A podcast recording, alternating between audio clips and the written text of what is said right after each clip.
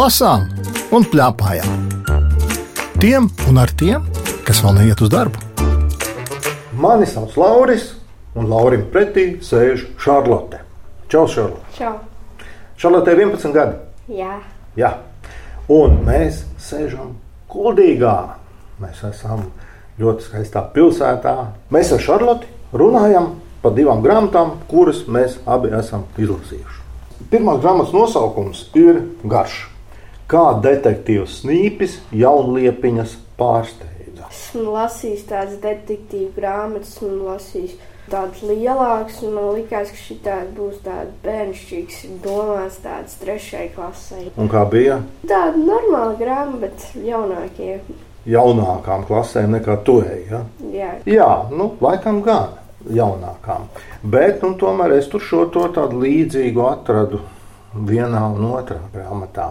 Es izlasīšu, kas rakstīts uz aizmugures vāka, lai mūsu klausītājs zinātu, par ko ir šī grāmata.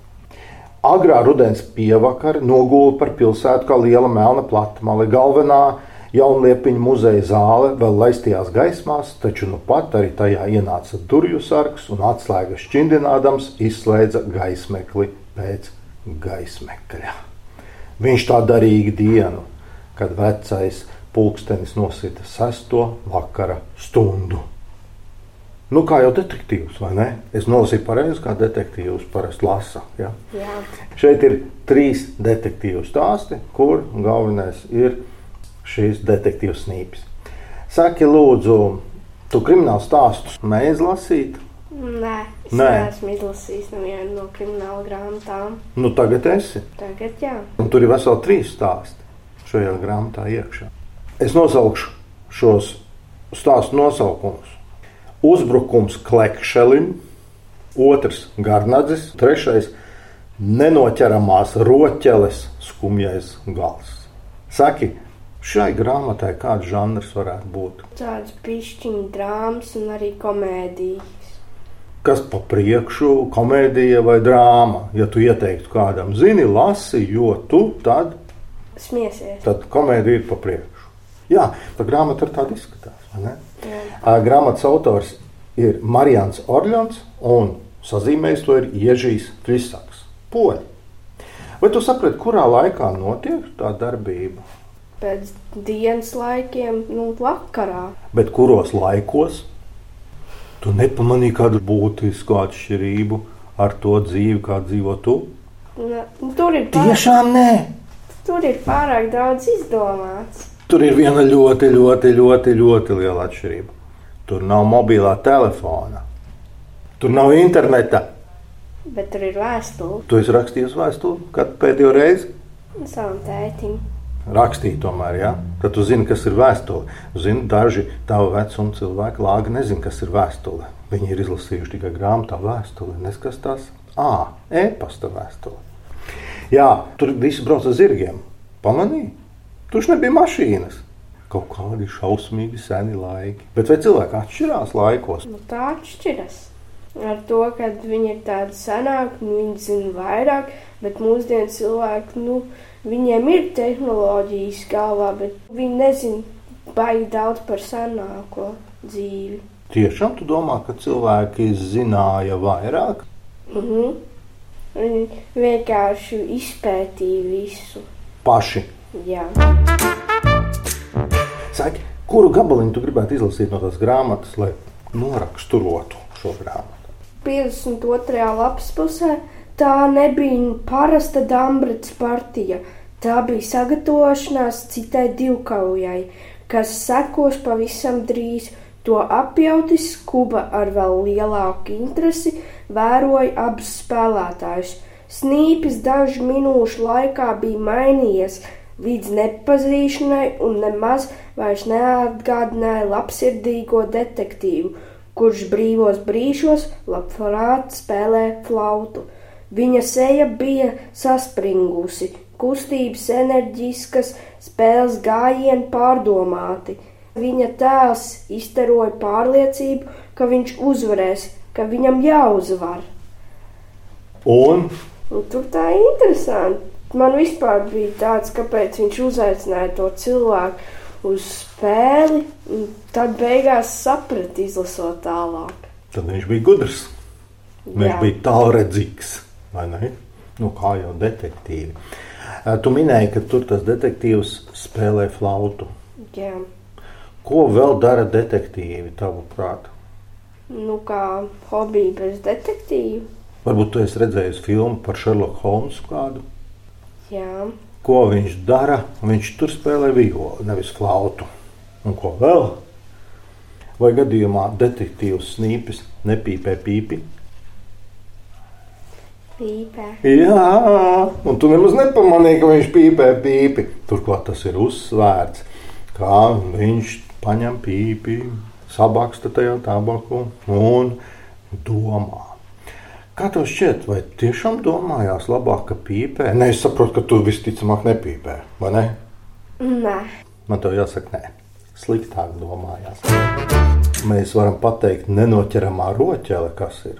Kabats zaglis. Jā, Man sākumā likās, es visu laiku teicu, nenoķermā roķele. un tad pamazām, pamazām. Jā, tad man oma pateica, ka domā roķele. Ko man likās, tas ir uzvārds?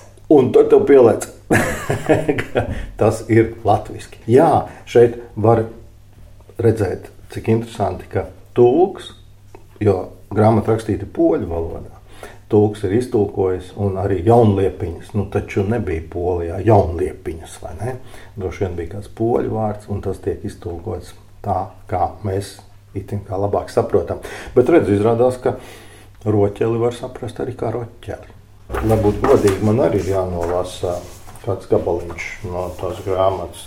Rokas kuba čukstēja. Kubas, starp citu, ir suns. To mēs nepieminējām. Kā inspektoram Snīpim ir suns, nu, kurš, protams, runā. Nu, Jā. kā savādāk? Māja galva te- sakot, jā. Rokas kuba čukstēja. Paskaties uz rokām. Neko neredzu. Ambrozijas saspridzināja skatienu. Viņš tur tās aiz muguras, kā parasti. Ak, vai suns kļuva pavisam nepacietīgs. Lapsenē, neredzi lapseni. Patiešām, pa zagļa kreiso roku pastaigājās lapsene. Taču viņš uz to itin nemaz nereaģēja. Nav taču iespējams, ka viņš to nejūt, kubam nebija miera. Kādēļ viņš nepakustina roku, nepadzēna kukaini? Tālāk es nelasīšu. Vai ne? Jo citādi es atklāšu noslēpumus. Lūdzu, lasiet paši. Tu gribētu vēl izlasīt kādu no šīm grāmatām, Atsaucis bija sākumā. ka ir vēl divas tādas grāmatas, vai Jā. ne? Tu ieteiktu kādam Nu, es varbūt izlasītu. vēl kādu par snīpi. Jā, ir vēl divas grāmatas par snīpi. Uzzināsim, ko tā mamma saka par grāmatu, kā detektīvs snīpis jaunliepiņas pārsteidz. Inspektoram Snīpim nebija nevainas onkulīts gados, kas uh, uh, risina dažādas noziegumus un izmeklē zādzības. Interesants tēls ar vērīgu aci un, un, un labu valodu un uzticamu draugu kubu. Nu, pietrūka tā sasaiste ar realitāti, jo tā bija tiešām kā mākslīgi veidot grāmata, kā fantāzija par to, kā varētu būt. Jo Varoņiem bija izdomāti vārdi un, un iesaukas, varētu pat teikt, un pietrūka, nu, varbūt Jānis, nevis Roķele vai kaut kā tā. Tad tas ir tā kā tāda spēle, tad šī grāmata ir. Iespējams, bet tā kā man patīk detektīvi, tad es izlasīju ar lielu interesi šo grāmatu.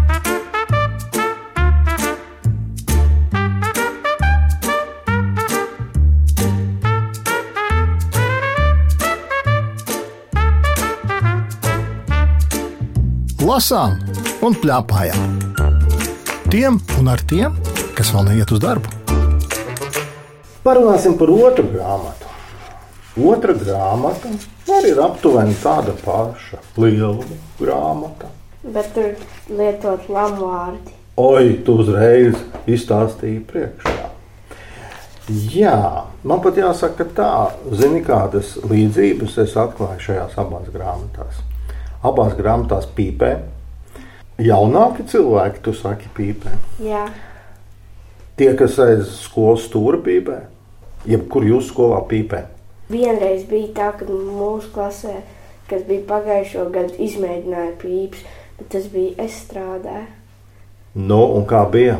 Viņi nestāstīja, vienkārši skolotāji viņus visus nosauc priekšā, lai pasakā, ko viņi darīja. Un cik gadi bija tiem pīpētājiem? Desmit. Šajā grāmatā ar laikam galvenam varonim ir aptuveni tikpat. Šeit bija 6. klase, 13 gadi. À, jā, drusku vecāks. Un, zini, abās grāmatās vēl ir vēl viena lieta. Abās grāmatās zog. Jā, Saki, lūdzu, kā tu nosauktu žanru šai grāmatai? komēdiju. Tiešām? Jā, jo ir dažreiz smieklīgi. Tur sākumā bija smieklīgi, ka viņām meitenēm iebāz aiz apaklas gliemežus. Zini, es uh, nolasīšu mazu gabaliņu no šīs grāmatas. Grāmatas nosaukums ir Ervīns un Bišu vīrs. Ej, sīkais, aiztec uz veikalu pēc piena! Puspavērtajās durvīs iestājies koļa uzsauc Ervīnam, kas izlaidies gultā, lai izskatītu lendzes savu vietu tālruņa ekrānā. Ervīns skatījās viņā izbrīna pilnām acīm un klusēja. Tu esi mēms! Ko blēņas tādam teļa acīm? Tu neredzi, ka es nav gājējis? Koļa žagojās, vicinādams rokās paprāvu naudas žūksnīti. Nikolai, māte to uzrunāja pilnā vārdā. Liec puika mierā, kas puikam veikalā šņābidos, tad jau es pati labāk aiziešu. Sākās īsts trādrītis. Māte kliedz uz koļu, viņš uz māti, abi uz ervīnu. Tā arī netika skaidrs, kurš būs gājējis uz veikalu. Kad koļi pacēla roku, lai mātei iesistu, Ervīns neizturēja. Viņš piesteidzās koļam klāt un no visa spēka iesita pa vēderu. Naudu, ko koļi turēja rokā, izbira uz grīdas. Tas komēdijas neizklausās. Izklāsts arī pēc drāmas. Un pat tādas beidīgas drāmas. Ja tev būtu jāizstāsta klausītājiem, kas tur notiek, kur tas notiek, Tas notiek tādā ciemā, kurš ir tāds maziņš. Un kad tas notiek no ziemas līdz vasarai. vai uh, tu līdz pārdzīvojam galvenajam varonim, Ervīnam? Es pārdzīvoju, ka viņa mamma tā nerūpējas par viņu tā baigi. Un es arī par bišu vīru pārdzīvoju, jo viņi negāja palīdzēt viņam, kad zagļi ielauzās mājā. Jā, bišu vīrs ir vecāks vīrs. Viņa īstais vārds ir Silvestrs Silavs, kurš tur bišu stropus. kuriem tika noņemts bišu tropa augšs. Jā, un kas to izdarīja? Ervīns, Armāns, Māris un Juris. ā. Jā, klases biedri. Nu, es biju pārsteigts par šo grāmatu, tāpēc, ka tā bija tik ļoti patiesa un īsta dzīve. Tev ar tā šita, jā? Jā, man klasē arī tā lamājas, un arī uh, klasē runā angliski, piemēram, čilot vai ranot, treidot. Un tas šeit viss ir grāmatā iekšā. Jā, tur ir tāds īsta grāmata, kurā nav nekas tāds izdomāts. Viss ir vienkārši patiesa. Kas tev labāk patīk? Patiesa šādi stāsti vai nu, tāda kā snīpis, kurš ir tāds nu, izdomāts un jocīgs, nu, kas arī nav slikti varbūt. Es teikšu, labāks, nu, izdomāts, jo tad ir vēl smieklīgāk. Jā, bet uh, tu saki, ja ir tieši tā kā dzīvē, tad tu negribi lasīt. Nē, es gribu lasīt, man ir arī interesanti lasīt, kad dzīvē. Šī bija tāda pirmā grāmata, kurā es redzēju lamuvārdus. Kā tu domā, nedrīkst būt grāmatā lama vārdu? Nē, nu, drīkst. Bet nu, man, es biju pārsteigts, jo man likās, ka šī būs tāda jauka grāmata, kurās nerunās pretī skolotājiem un nekausies un neapsaukāsies. Bet izrādās, ka dzīve ir citādi. Jā, Un to tu esi redzējis? Tagad Šarlote māja ar galvu, radioklausītāji to neredz, bet viņa pamāja. Jā, jā, jā. Kuru gabaliņu tu nolasītu no grāmatas? ek, ja bišu vīrs būtu dzīves, viņš patiesībā bija vienīgais cilvēks, kas ar Ervīnu runājās nopietni un no sirds. Ja vien notikušais būtu tikai slikts sapnis, un bišu vīrs būtu te, Ervīns strādātu visu vasaru, sakraut un nopirkt bišu vīram vismaz vienu bišu stropu. Protams, ar visām bitēm, lai Ervīnam nebija ne jausmas, cik tāds bišu strops maksā un kur to nu, var nopirkt. Vēl viņš palīdzētu bišu vīram bišu dārzā.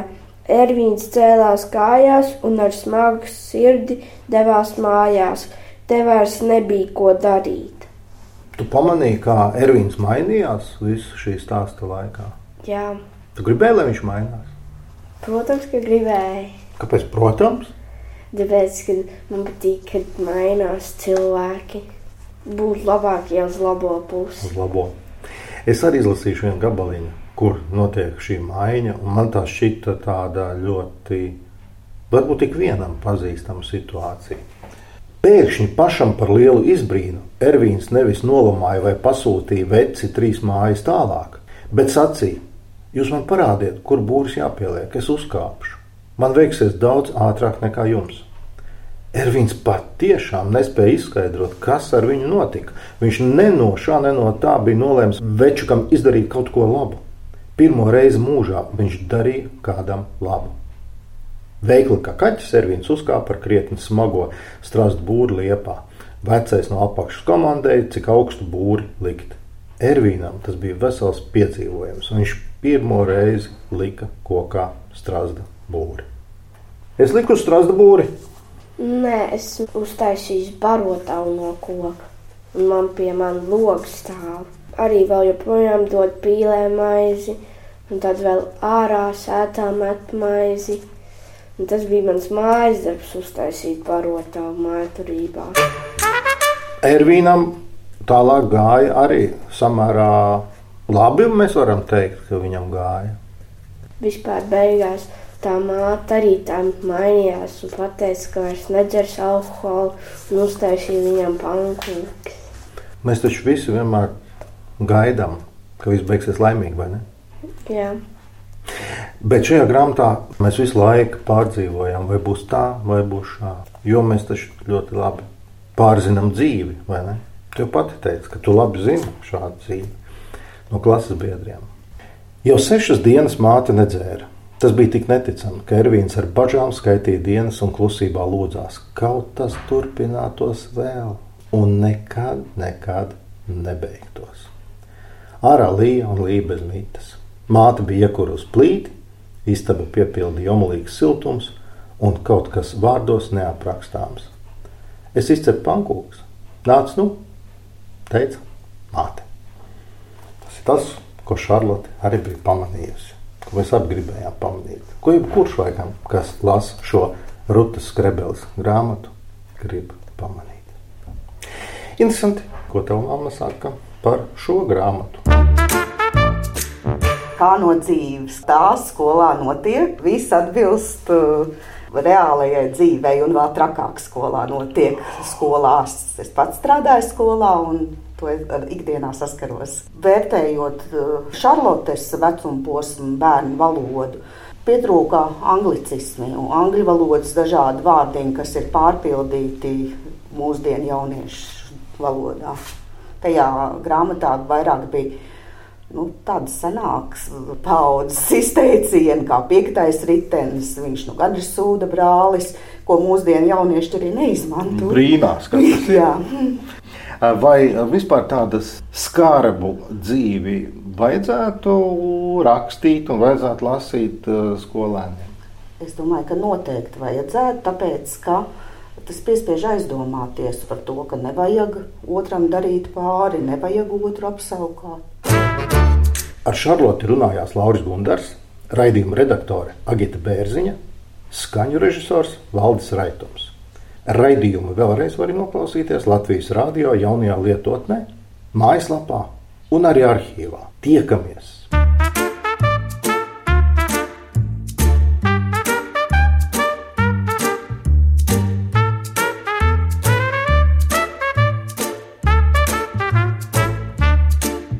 Lasām un plēpājām. Tiem un ar tiem, kas vēl neiet uz darbu.